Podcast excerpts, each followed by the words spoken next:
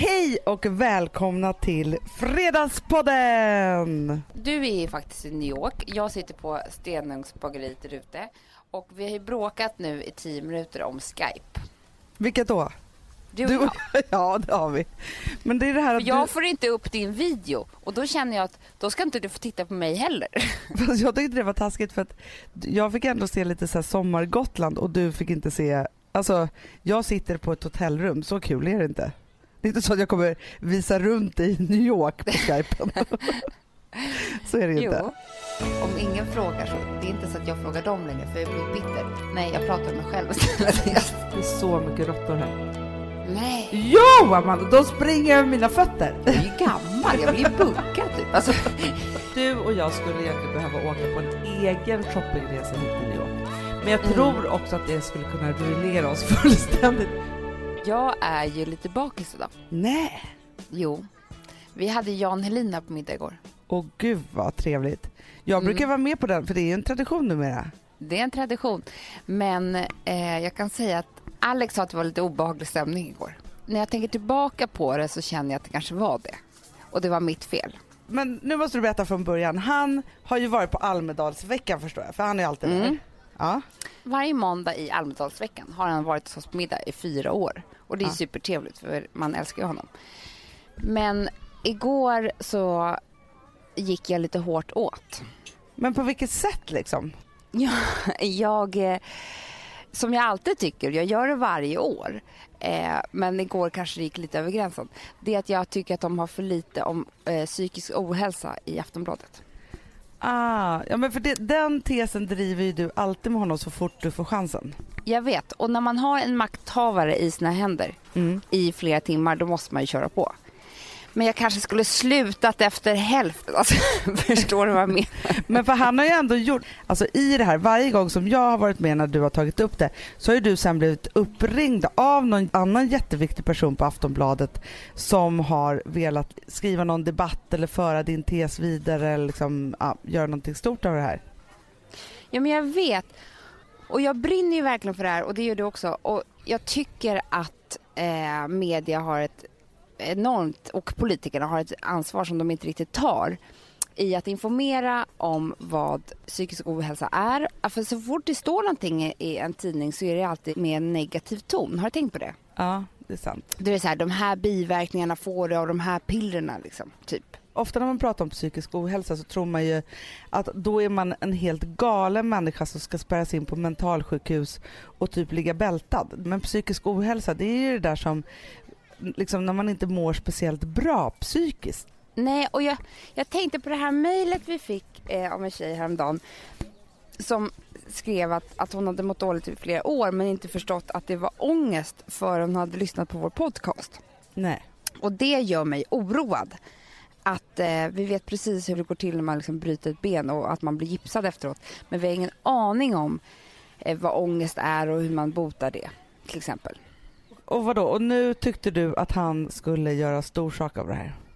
Ja, men jag hade ju kanske tusen idéer. Alltså, Alex sa att jag pekade med hela handen och stod upp ett tag och sådär. Alltså, det, det ska ju ändå vara trevligt att komma på middag menar jag. Man kan inte bli attackerad. Nej det var ju inte så att du sa så här, jag vill ha ett möte, jag kommer upp på ditt kontor för jag ska prata om något livsviktigt. Utan det var så här, kom hem till oss på middag och drick lite vin och grilla. Ja, och lite var det ju så kanske att han flydde Almedalen för att komma hit och ha det lite härligt. Förstår du? Då hittade han en ny debattör. Du tog din chans. Du orkade inte åka in till Visby och debattera och dra upp dina liksom, åsikter. Så du bjöd hem makthavaren till dig istället och drog det där. Ja, och jag, sa, jag har frågat nu Alex flera gånger, för vi drack ju ganska mycket vin också. Så här, men liksom, var det inte ändå ganska bra så här, så han sa, jo det är klart att det var, men när det fortsatte eh, liksom tionde gången efter efterrätten, då såg han ledsen ut. Nej, åh gud. Jag kan se honom framför mig också för att han ser ju alltid ganska bister ut. Alltså han är en sån person. Men sen kan jag också se när han blir trött och ledsen hur han ser ut då. Ja, alltså det var inte meningen. Men, men det är väl bra att jag slåss för o- psykisk ohälsa, är det Ja, men inte bra? det är ju superbra och det måste man göra hela tiden så att det verkligen liksom kommer ut där. Men vet du vad jag är lite besviken på dig på nu när jag hör att ni har haft den här middagen? Nej. Det är ju att när man har Jan Helin i sitt våld, eller en kvällstidningsmänniska överhuvudtaget, det är då man vill prata om alla de stora nyheterna bakom kulisserna. För de vet ju alltid väldigt mycket mer än vad som skrivs. Men det är klart att det hade funnits ett tusen spännande samtal om inte jag hade attackerat i tre timmar om det här. Alltså förstår du, det fanns ju inte plats. Men fick du som en låsning? Ja, alltså jag kände så här, nu var det ett år sedan sist. Jag hade många, många, många idéer förstår du. Du hade laddat. Jag fick ju, ja, men jag fick ju också uppslag under tiden. Alltså förstår du? Från ja. liksom första klunken av vinet till tredje glaset så hade det ju hänt mycket. Det började bubbla kan man säga. Ja.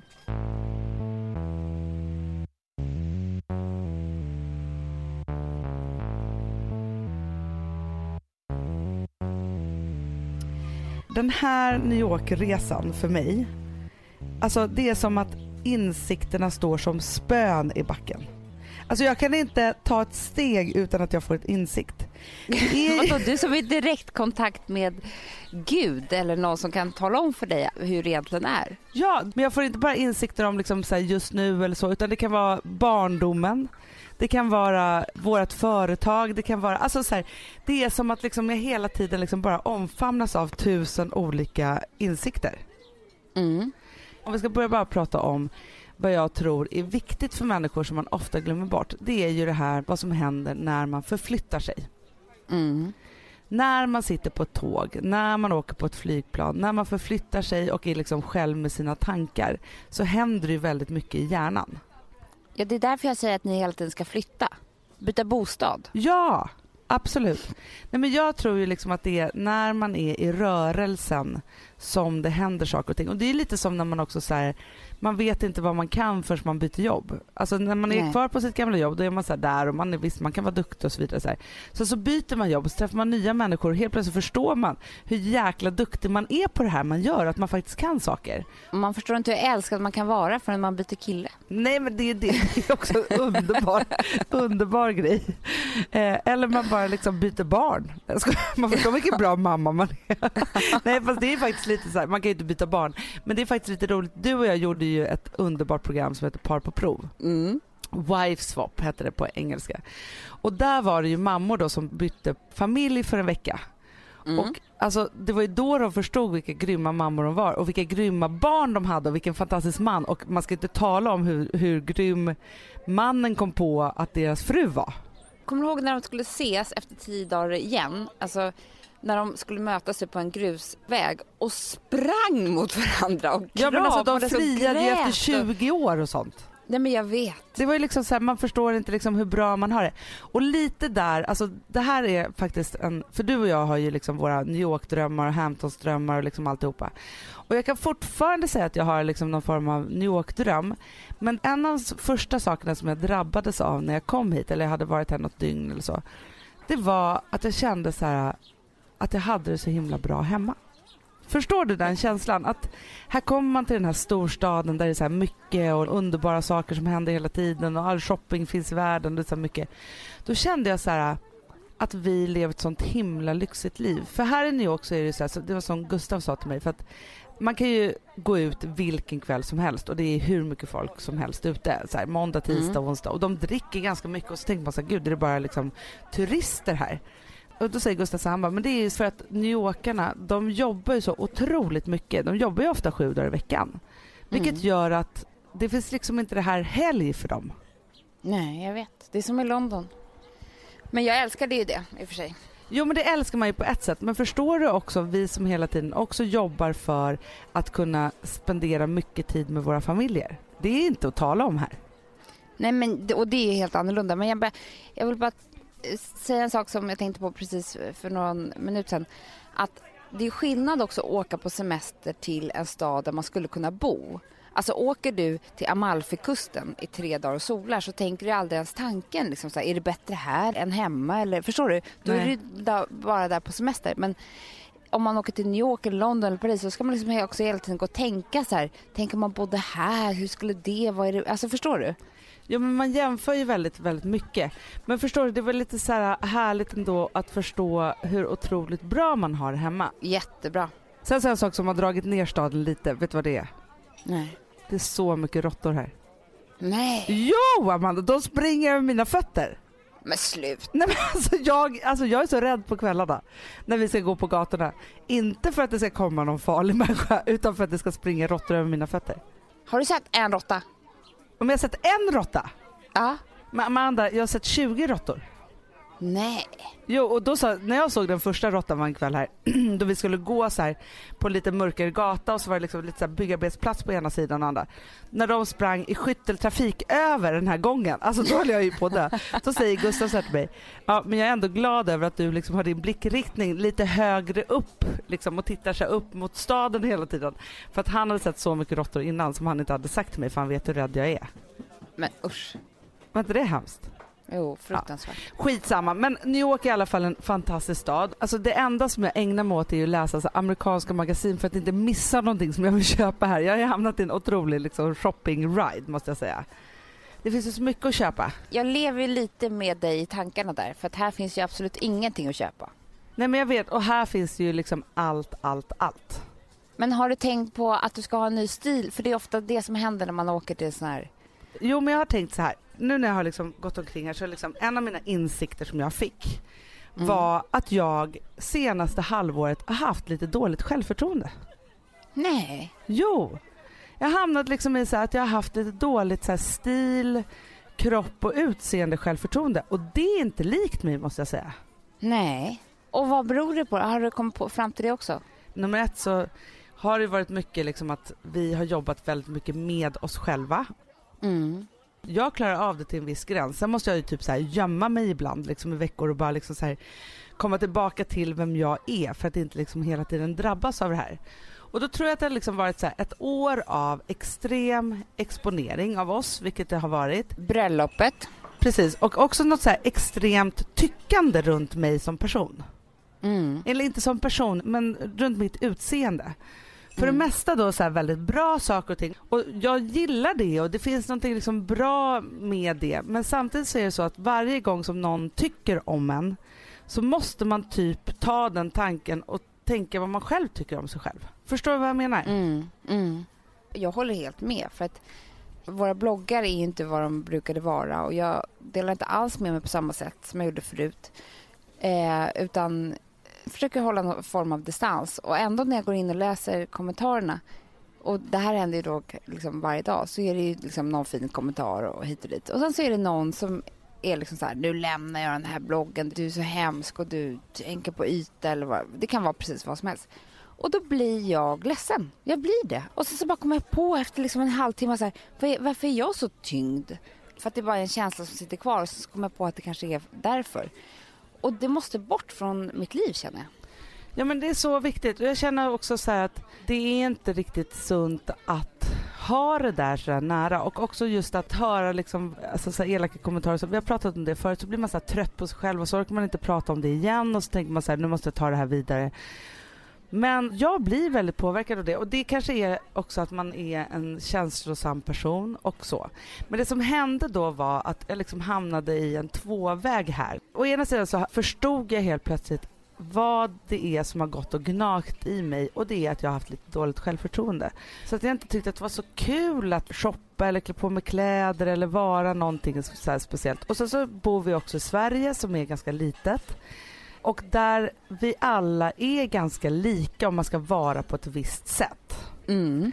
Så kommer man hit till New York där det finns så fruktansvärt mycket människor. Mm. Och här så är det liksom det är en liten, liten, liten prick. Alltså så här, en liten del av mig kan bli så här, åh gud, härligt att träna. För det finns ju så här, den här hälsotrenden här som hela tiden, det finns ju att köpa liksom juicer och frukter och nyttiga saker och liksom sådana saker. Och det är liksom gym i varenda liksom kvarter och så. Och det är ju härligt liksom så. Så då blir man liksom inspirerad till det. Men sen det som är mest inspirerande, det är att alltså alla ser olika ut. Mm. När man helt plötsligt tar Sverige så blir det som att alla har typ så här, eller det finns två kroppstyper i Sverige typ. Det finns en smal och en tjock. Alltså det finns liksom, här är det liksom, ja men det är rumpor och det är tuttar och det är lår och det, alltså så här, snacka om cellulit 2013 och snacka om att alla dessa kvinnor klär upp sina celluliter. Jag älskar det. Nej, men jag älskar också, och det, vet du vad jag tror att det blir ett fel också? Som, som jag kan hålla med om att jag också känt kanske inte bara senaste halvåret utan hela livet om jag ska vara ärlig. Det är att man bryr sig mer om hur kläderna sitter på en än vad man faktiskt vill ha på sig. Jag kan säga titta på, ja men ska jag ha den här klänningen, ja men vadå, då visar den mina lår. Eller men du vet så här, alltså, att det där hela tiden kommer in som en spelare i hur man ska, liksom, ska klä sig eller vad man ska ha för stil. Och det är fruktansvärt. För att då har man ju missförstått hela grejen med mode. Mode är ett sätt att uttrycka sig. Att, att få en att känna sig på ett speciellt sätt eller vad det nu kan vara. Men, men det är ju verkligen, kan ju verkligen vara glädjefyllt och spännande och, och häftigt. Men när det bara blir att det ska göras så att man ser så smal eller bra ut. Alltså förstår du, då, då är man ju fel ute. Alltså apropå att så här, elaka saker stannar kvar så drabbades ju jag av, det är nästan ett år sedan, när jag var på bröllop och det var en, en kvinna där som frågade när jag skulle föda mitt barn. Det var inte så kul. Nej, det var eh, verkligen ja. kul. Men vet du vad jag kom på Amanda? Nej. Sen dess har jag inte haft klänning. Typ. Nej. Är inte det hemskt? Ja, men det är inte klokt. Det är som att det har etsat sig fast i min hjärna. Ungefär som du brukar berätta när det var någon som sa till dig att du var snyggare i uppsatt hår än utsläppt. Och du kan ju verkligen inte ha utsläppt. Nej. Fortfarande 33 år gammal. Ja men det är ju så. Och alltså, det här var ju någonting som jag fullständigt struntade i innan för jag kan inte ha sett mindre gravid ut liksom de närmaste fem åren. Alltså förstår du? Eller liksom nu hur jag har sett ut. Men helt plötsligt så är det så att jag då har slutat ha klänning på mig och liksom så här, tänker på det jättemycket.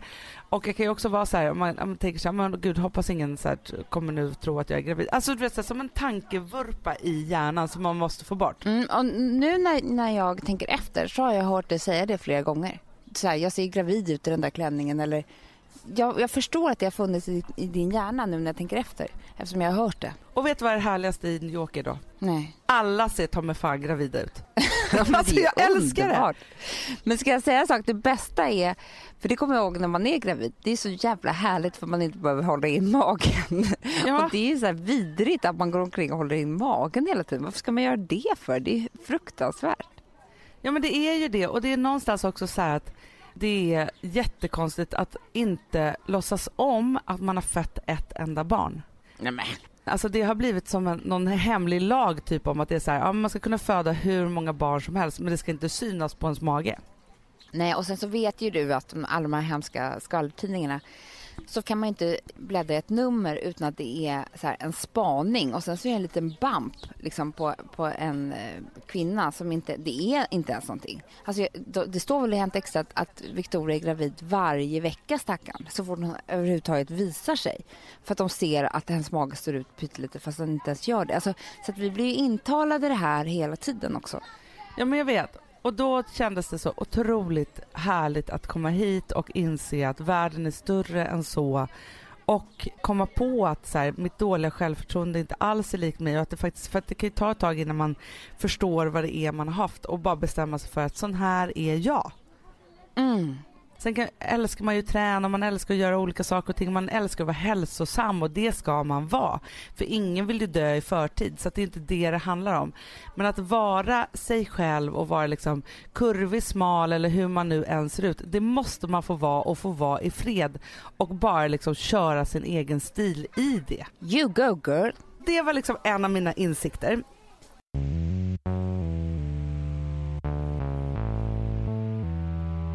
Sambla som vi sponsrade av är tillbaka. Ja, men det tycker jag är så kul. Vet du vad jag kände? Äntligen! För det här behöver man göra om och om igen och särskilt nu. För det är så här, Sambla är en personlig jämförelsetjänst för lån mm, mm. och jämför upp till 40 långivare. Och det är mm. så här, man kan inte göra det själv. Alltså ta den tiden och energi eh, och också kunskap att jämföra 40 långivare, Hanna. Nej. Det, det, det, det, det kan man nästan inte. Nej. Och i dagens klimat, just när det kommer till pengar och lån och sådana saker, så är det ju livsviktigt att man liksom hela tiden tittar efter de bästa förutsättningarna. Och Det här hjälper ju Samla dig med.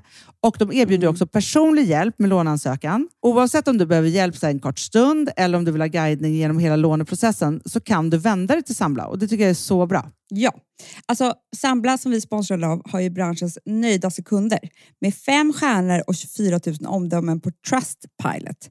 Eh, det säger ganska mycket tycker jag. Väldigt mycket. Så in och ansök på samla.se.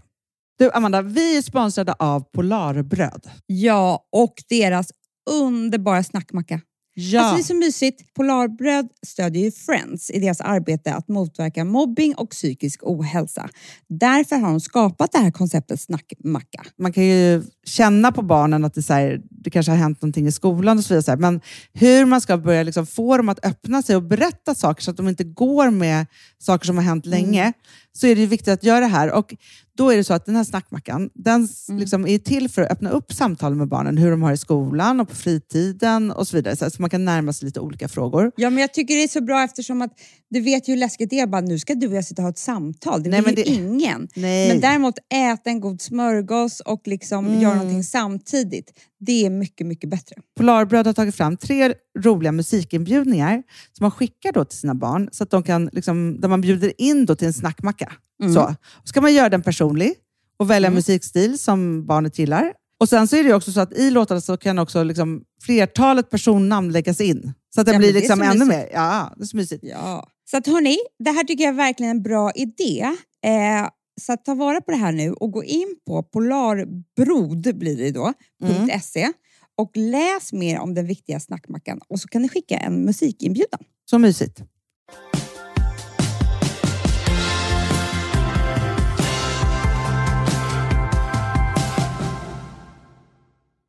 Sen har jag liksom byggt på den här insikten.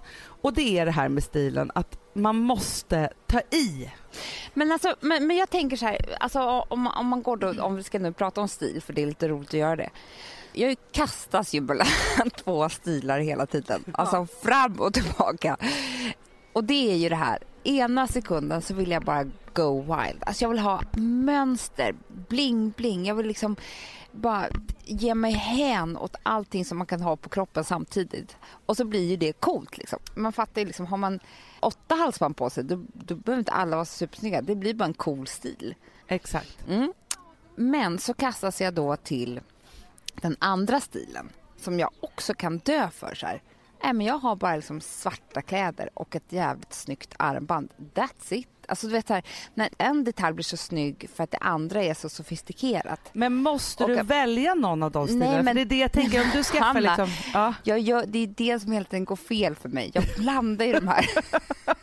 så det blir ingenting av det. det. Då blir det ju ingen stil. Men för jag tänker om du var en sån person som bara så här, vaknar på morgonen och bara så här, hur är jag idag? Vilka möten ska jag gå på idag?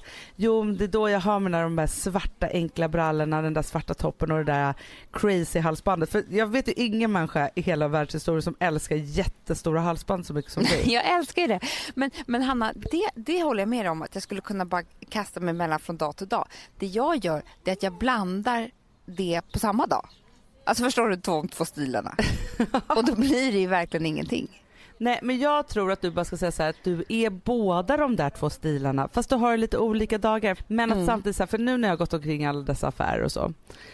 Alltså framförallt så vill man ju ha jättemycket pengar när man är här och, och vill shoppa. Den Som- stilen älskar jag. Den- att ha mycket pengar på kortet. ja. Ja. Jättemycket pengar-stilen. Ja, men den är ju Ja. liksom fantastisk. Den stilen. Men sen så är det också det att alltså jag tycker att folk är snygga i allt men det är mycket så här.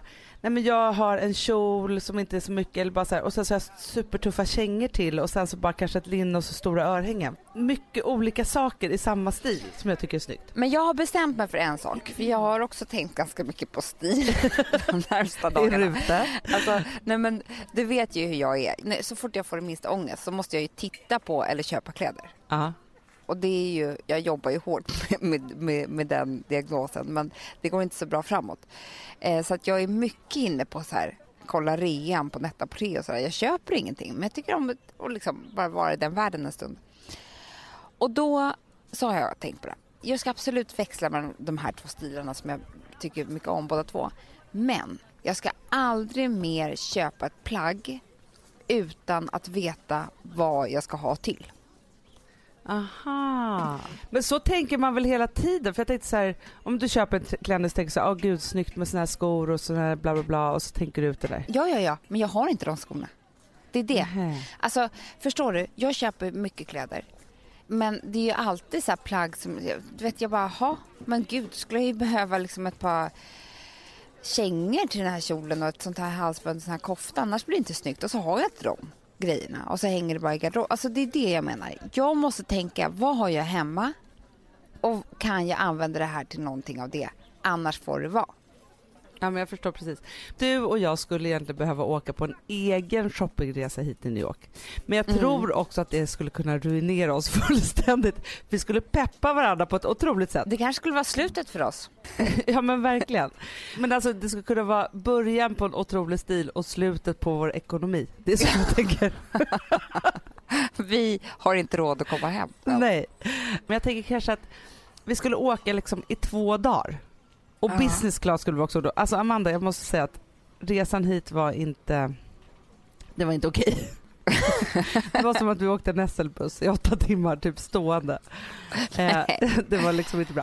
Men då bara så här, åka hit och sen så tar man bara liksom område för område, förmiddag, eftermiddag, förmiddag, eftermiddag och sen är man klar och så bara åker man hem. Förstår Mm. jag att det är det man gör liksom. Mm. Nej, men jag ser fram emot en höst med en ganska rolig stil. Alltså jag, jag ska Ja. ge mig ut på nya vägar, så känner jag. Men verkligen. Och jag kommer ha mina stora halsband. Men alltså Amanda, jag tänker att jag ska, alltså är det någonting som jag ska köpa till dig i present härifrån så är det ett jättestort halsband bara för att bejaka din egna stil. Jag kommer sluta skratta åt dig och dina konstigheter. Jag kommer bara bejaka den och tycka att du ska köra det hårdaste du kan. Bra. Sen måste jag också säga, för apropå att ha sin egna stil så har det varit gay pride här.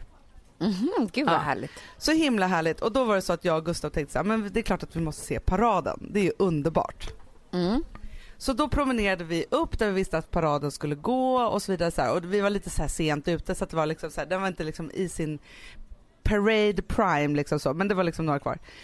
Då så står vi där och så är det så här jättehög musik och så, så helt plötsligt så kommer då en jättestor del av den här paraden som bara är New York-polisen som kommer gående. Och så Mhm. ställer de sig där och de har en orkester och de är så här högtidliga och så. Alltså Amanda, jag grät så mycket.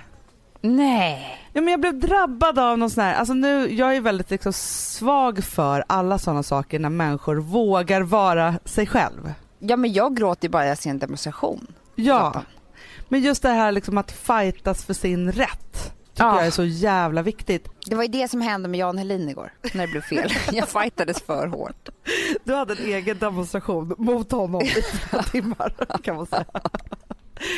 Jo, men här var det också, för det var också underbara människor runt omkring som liksom hade otroliga utstyrslar och peruker och bara rumpor och liksom alltihopa vad de nu hade. Men mitt här i det här så kom de här ganska allvarliga människorna i sina uniformer som verkligen nog inte har varit så superaccepterat. Liksom att vara polis eller militär. Alltså, man fick ju inte vara militär och gay i Amerika för inte så länge sedan alls. Nej. Och så helt plötsligt så står de här människorna här och de var så jävla lyckliga över det här och just också att så här, våga komma ut där och vara där. Och då grät jag så Vara mycket på gatan. stolt också. Ja, det var så otroligt fint. Och då kände jag bara ännu mer att det enda som livet handlar om det är att maxa sig själv, sin egna personlighet och att våga vara det. Och får man inte vara det så måste man fightas för att alla människor ska få vara precis den de är. Alltså, man ska bara skita i alla andra människor. Alltså, det är så sorgligt att man måste fightas. För att de andra människorna, de är inte viktiga. Nej. Om de inte låter en vara precis som man är, då ska de inte vara i ens liv ändå. Ja men verkligen så, Så är det. det. Så det var faktiskt härligt.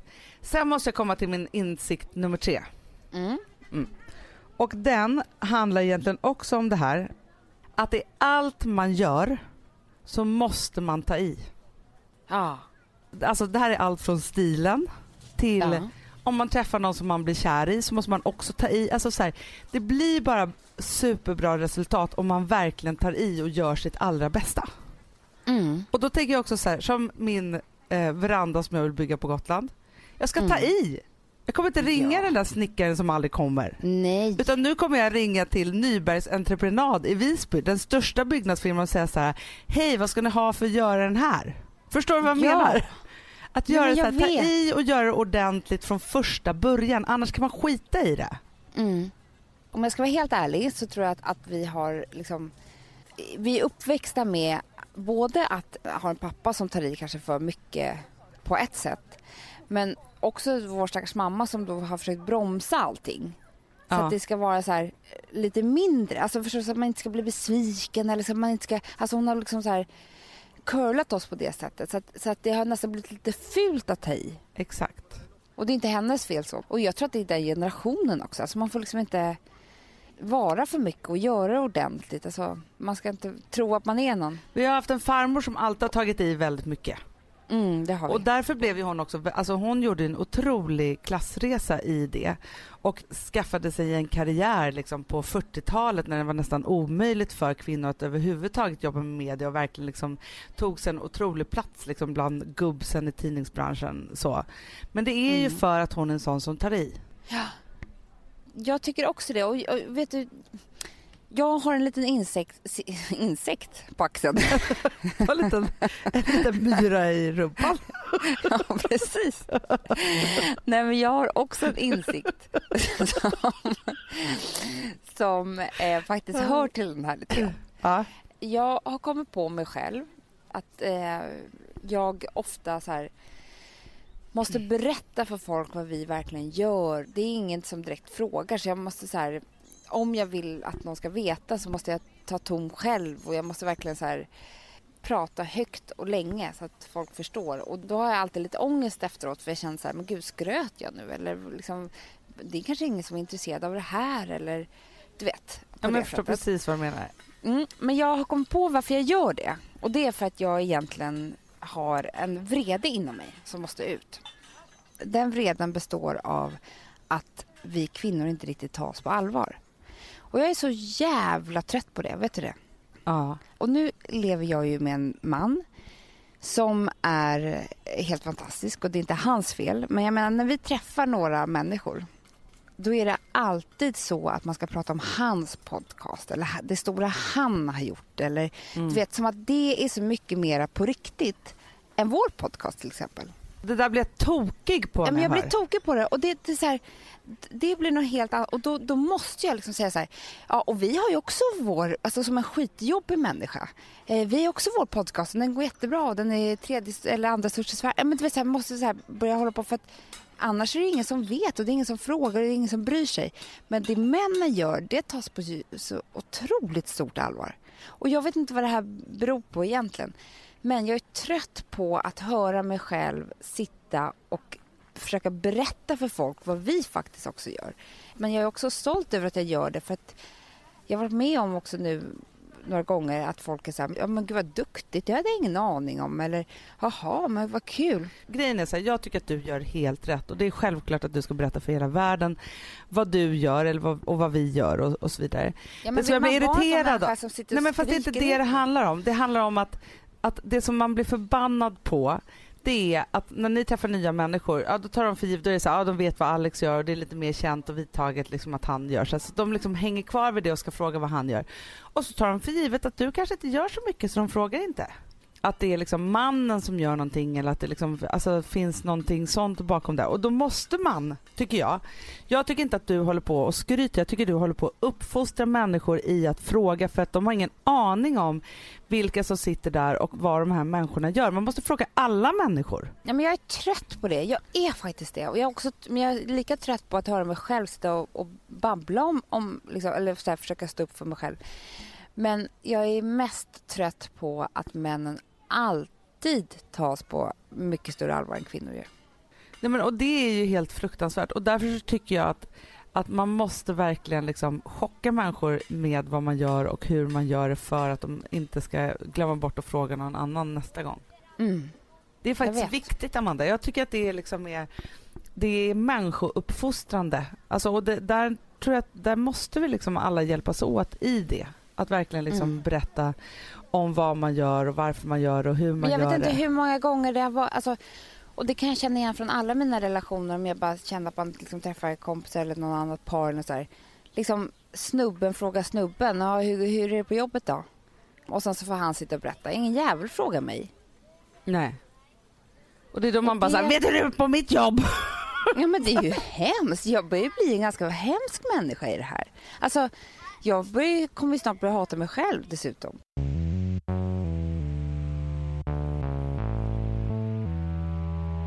Alltså vi som har sådär borst, har du testat i maskinen nu? Snart är det jag som kommer lägga upp en limpa på Instagram. Är det så? Ja.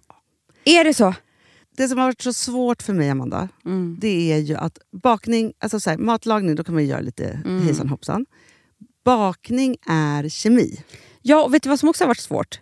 Det är ju att du kan inte så här, alltså tomatsås så kan du ju salta och peppra och allting med tiden och smaka Mm. av. Det är svårare med en deg alltså. Vi är ju sponsrade av Bosch nya köksmaskin serie 6. Och den är extra smart. Och det är tur för mig kan jag säga. För att det är så här att först så liksom, man väger sina ingredienser direkt Ja, och i det bunken. här läste jag om. För det var något recept jag skulle göra. Det var så här, ta inte med decilitermått eller så. För att det blir inte samma. För då trycker man... Det är inte, det är inte samma vikt. Nej, Alltså, det kan bli liksom det kan bli jättefel. fel hit och dit. Ja. Alltså, så. Ja. Men då gör man ju det så här, Det är ett geni av- ovanpå maskinen. Ah. Så mysigt, man känns så duktig. Sen finns det en integrerad timer. Ah. Och då är det också så här, alltså för, förstår du, för det här är så här, alltså de som bakar mycket är väl så här, ja man har en hushållsvåg. Jag har aldrig haft det än. Nej, men också Hanna, det här som jag, jag har alltid tyckt att det är så svårt typ, att vispa äggvita. Jättesvårt. Det är för svårt. Men det behöver inte jag kunna, för det kan min serie 6 köksmaskin från Bosch. Ja, nej men alltså den är underbar. Hörrni, det är också så här, att, för det här är ju eh, ja, en jättebra investering.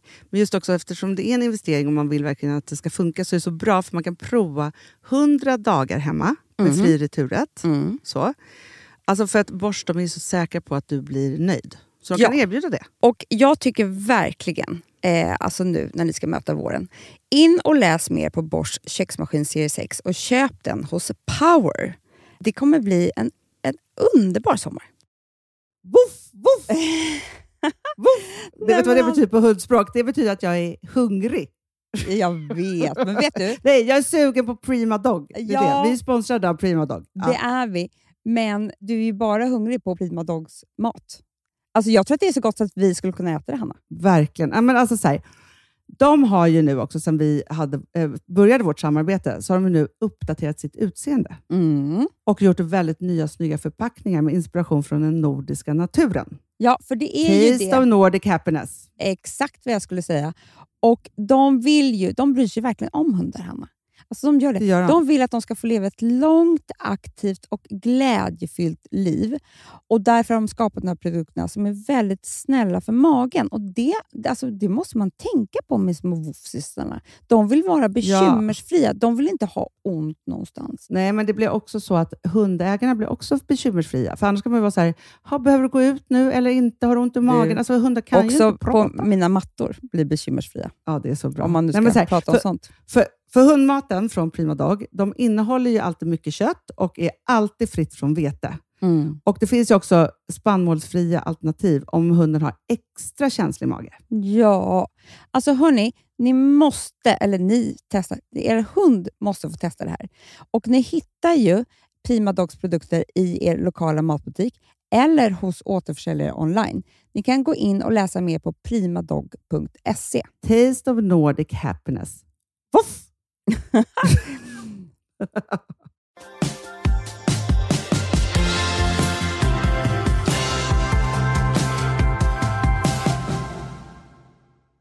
Jag och eh, Gustav var ute hos några kompisar som jag inte kände, några kompisar till honom.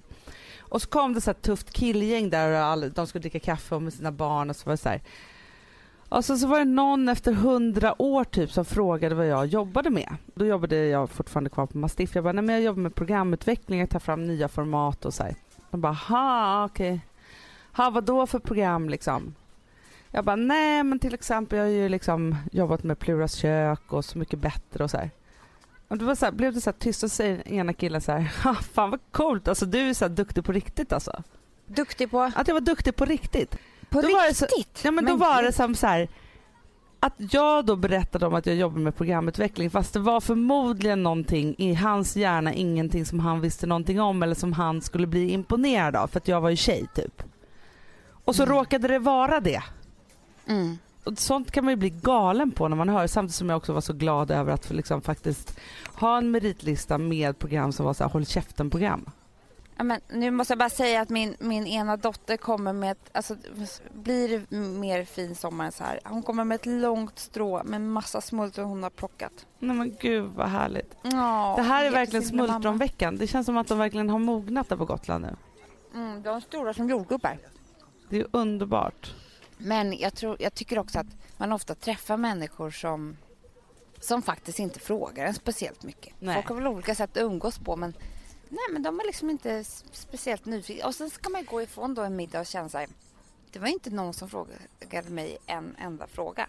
Jaha, men det var ju kanske därför jag inte hade så trevligt. För att det är ju så att vi vill ju alla mötas i någonting och då måste man ju dela med sig för att kunna mötas. Och jag, jag, jag känner att när man faktiskt verkligen har liksom tagit sig tid och frågat en person en massa saker om eh, den personens liv så är det alltid så att en person efteråt känner så här, gud vad trevligt det här var, gud vilken underbar middag liksom. Men det är ju hela livet att bli sedd. Det är det det handlar om. Och att om människor frågar alltså, intresserade frågor om en så känner man ju sig sedd. Det är vad allting liksom, det här går ut på. Men det är ju lite så här, vissa människor är ju så här, nej men jag ska inte hålla på och fråga för jag ska minsann inte verka som att jag är intresserad av den här människan. Alltså, och det är så objussigt. Alltså, att, som att det är någon sån här, jag ska verka tuffare än vad jag är och då ska jag inte låtsas, eller den här människan ska inte minsann inte få så mycket uppmärksamhet. Ja, Det är min vidrigaste typ av människa. Det finns ju ingenting som man älskar så mycket som att få de där härliga frågorna om, om smått och stort. Men jag vet inte heller någonting som jag älskar så mycket som att få fråga de där frågorna och verkligen ge mig Mm. in där och bara vadå? Hur är det där och vad var det? Alltså vi träffade en kille härom, häromkvällen. Vi var på en barbecue här i New York på en underbar veranda. Alltså förstår du, på Manhattan, en kille som bor här. Och då var det en kille, apropå så här, the American dream. Han har startat ett företag med tre kompisar. De hade specialiserat sig på, det här är jättekonstigt för dig och mig, men på beef jerky. Beef jerky, beef jerky, alltså torkat kött. Alltså det är ett snack som de käkar här liksom. Mm. Ja och det var organic och det var så himla bra liksom alltihopa. Och då är det så här, det är verkligen så här the American dream för att om de kommer in på Whole Food eller något annat så här stort liksom.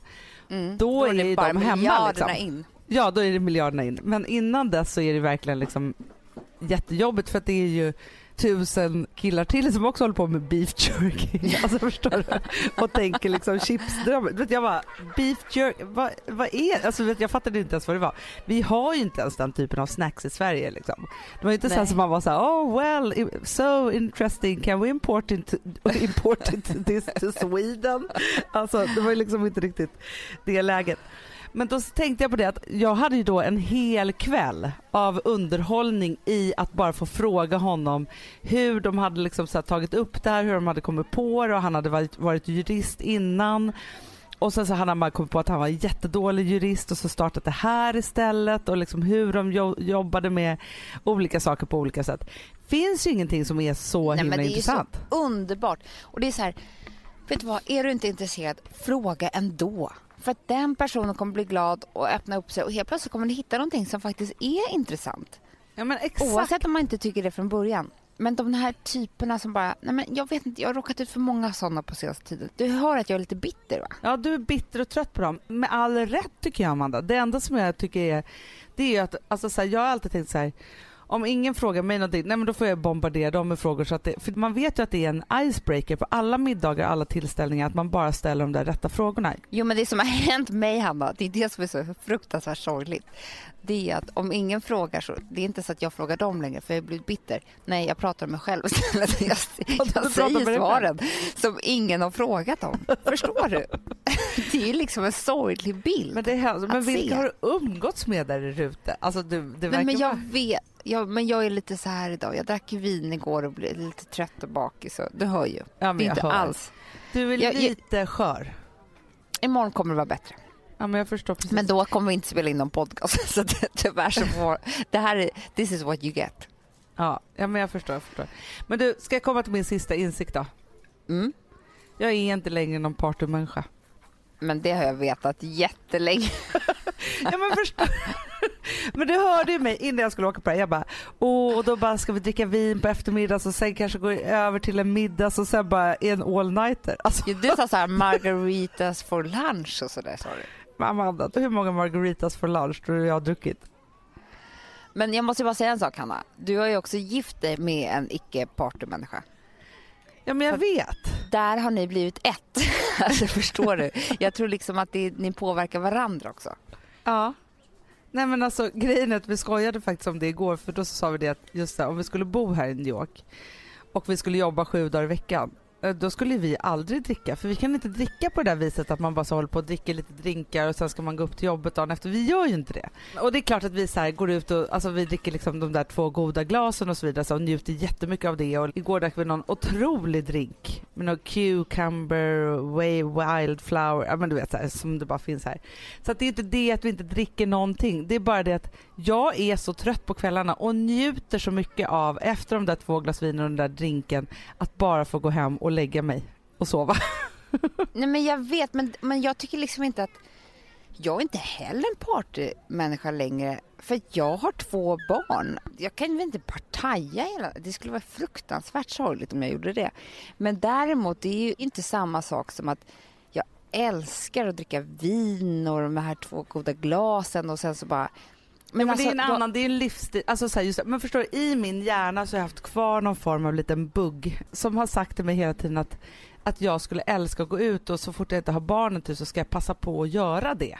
Jaha, men Hanna du vet att det är nästan bara roligt att gå ut på nattklubb om man flörtar med någon. Nej, Alltså förstår du? Det är ju det, du är ju liksom gift. Alltså bara stå så här dunka-dunka och dricka en shot. Alltså det är ju inte dugg kul. Man måste skilja på de där sakerna tror jag. Alltså men du jag måste vet. reda Men ut vet, jag det har här. ju fortfarande tjejkompisar som hela tiden pratar om när vi ska gå ut. Och jag ja, bara men de känner är att jag är som en här, Hanna. Ja men jag vet, men de fortfarande så vill de att jag ska delta i det här singelgåutandet och får mig att känna mig lite dålig som inte vill det. Men det är helt liksom naturligt att det är så jag vill bara äta superhärliga middagar och dricka Ja, men vin och umgås med goda vänner liksom så. Men att sen fortsätta Ja, men på alltså- liksom något dunka-dunka ställe, det är för mig, då mår jag dåligt när jag tänker på det. Men det är fruktansvärt med dunka-dunka. Alltså, jag, är ju där, jag älskar ju så här, vara på middagar och bröllop och stora fester på det sättet. När det blir så här en dans efter middagen. Alltså, förstår du, där är jag. Jag är ju gammal, jag blir bugga typ. Alltså, jag är inte alls liksom, nattklubbstjej. Och har egentligen aldrig kanske riktigt varit, förutom att det var kul med, med, med killarna. Förstår du? Ja. För att när du säger så här, jag är ingen partytjej och så känns det som att du säger det med lite sorg. Liksom, så här, Ja. nu, nu erkänner jag det här. Man får bara förflytta det där. Alltså, för det du tänker då, det är så här, ja men gud, jag var ju så här rolig och, och fartfylld på det sättet och älskade liksom att så här partaja och dansa och, och ha det kul. Och det är som att du inte vill det längre då. Alltså förstår du? Det är bara att du inte vill ha dunka-dunka. För mig har det där förflyttats till lika väl som när man säger nu dricker vi shot. Dun, dun, dun. Alltså det för mig idag är så här, jag tar ett tredje glas vin och det blir lite pirr Ja, i magen. Alltså förstår du? Men jag så det är liksom exakt samma känsla. Fast det, det har bara förflyttats en aning. Exakt, ja, men det är samma känsla och alltihopa. Jag tror bara det att det är så här, eftersom jag har lite av den typen av påtryckningar runt omkring mig så är det lite så här, är jag den fortfarande? Eller nej det är jag inte, men jag tycker inte om det här. Och sen så lite så här att jag också var liksom, jag alltså var ju hårt förknippat med att vara någon form av partytjej. Samtidigt som jag kan känna så här, gud jag orkar inte längre och hur går det till och så här. Men sen har jag också kommit på varför man inte orkar längre. Förut så var det så här, då hade man ju liksom jobbet, kompisarna och partyt. Mm. Nu har man jobbet, familjen, kompisarna och så ska man lägga på partyt på det. Det är klart man inte orkar det. Nej, men du vet vad alla säger va? Nej, efter 40. Mm. Alltså, du ser ju det på Instagram. Alltså, alla 40-åriga kvinnor som man följer, det är ju partypinglor alltså. Och det säger faktiskt alla. Men många har ju också 40-fester är skilt sig. Om vi ska prata ut det här på riktigt så är det så här. Många har ju skilt sig och då är det killarna igen och då orkar man med lite dunka-dunka. Ja, men det är också någon form av... När, liksom, när yngsta barnet är så sju år och börjat i skolan, alltså det är klart att det händer någonting med en. Att man, så här, man är en annan mamma när man har småbarn än när man har stora barn såklart. Ja. Nu ser jag den här kocken som var Vilken med i kock? Kockkampen. Nej, Tommy. Myllymäki. Nej, den andra. Vilken då? Unga. Med mustasch, lite schneidig, skånsk. Han, heter inte han Tom? Jo. Eller något? Nej. Nej. Ja, något. Nej. Ja, Men du vet. ja, men jag vet. Han går Han som är så här, några den meter ifrån. rockiga kocken, Ja, lite typ grann. eller något sånt där. Nej, äh, vilken, Jo. vilken kändisspotting du har där. Ja, och sen en labradorvalp som går förbi honom nu. Nej. Jag bara så att ni undrar vad jag är med om på något sätt. Nej, men alltså, jag bara säger så här, Hanna, du ska inte sörja det där. Däremot ska du känna så här, nej men, ni får ju gå ut utan mig till dina kompisar. Jag tycker inte det är kul. Jag älskar, alltså mitt party idag, det är så här att dricka det goda glaset champagne med Amanda på trappan i rutor liksom. Ja. Där är jag jätte... Förstår, då blir jag så lycklig när jag tänker sådana tankar. Ja men förstår du, det är det som är vårt party. Ja. Då är vi jätteroliga. Då njuter ju vi verkligen. ja, men verkligen.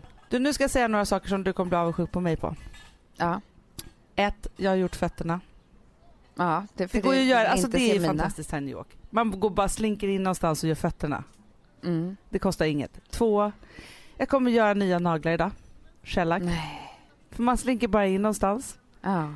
Tre, kanske kommer komma hem med en hundvalp. Man bara slinker in någonstans och köper. Förstår du att det finns hundvalpar i affärerna mellan shoppingstråket, Amanda? Nej men gud. Alltså jag gick in där och tänkte så här, ja, men skulle vi gå in här med våra barn, vi skulle komma ut med tre. Ja. Det är helt sjukt. Det är många saker i New York också som inte hade varit bra för oss. Nej, jag förstår det. Men jag känner att du kommer komma hem med en bit av New York till Rute och att det kommer göra mycket för den här sommaren. Ja men absolut. Jag har längtat mycket, mycket, mycket efter mina barn. Alltså på ett helt sjukligt sätt. Eh, och det går ju liksom med små vågor hela tiden. Jag är lite lätt gråtig och liksom så här, lätt, lätt eh, gråten liksom om man säger så. Men sen måste jag säga så här att jag och Gustav, vi har haft, alltså, det är otroligt att åka bort med den man älskar. Alltså det finns ju ingenting som är så härligt. Bara så här, både att få prata jättemycket och gå på stan och liksom in- inte ha något som stör. Eller bara sitta en hel frukost och vara tysta. Ja, är Förstår du? Det njuter vi så mycket av, att inte behöva prata med varandra. Alltså så här, Att det är ingen som pratar eller rycker eller drar överhuvudtaget. Och att vakna och somna tillsammans och bara, alltså så här, det är liksom, det är helt fantastiskt. Samtidigt som vi längtar ihjäl oss efter vårt vanliga vardagliga liv. Så det är liksom, det är bra för alla Det fronter. är bra på sätt. alla sätt tycker jag. Mm. Ja, men jag. Jag måste säga som avslutning på den här podden att det här var en väldigt bra rapport från din honeymoon i New York. Bra tycker jag. Mycket bra insikter. Alltså jag tror att det kommer komma upp fler. Så jag tror att det kan fylla nästa podd också. Ja men det tror jag också. Men framför allt Amanda, jag är hemma om ett par dagar och då då kommer Har jag fråga dig så mycket. Jag, jag kommer ha presenter. Alltså jag har ju gått bananas på presenter. Du förstår att jag har köpt presenter till alla barn och alla människor. alltså, bra. Så, ja. eh, alla barn ska ha presenter. Och sen Mm. så kommer jag fråga dig så mycket saker. Och jag ser Bra. mycket fram emot också det där goda glaset på trappen. Vårt egna lilla party. Mm. Men hörni alla hemma i Sweden, have a nice weekend. Mm, English. I will be back soon with my new English.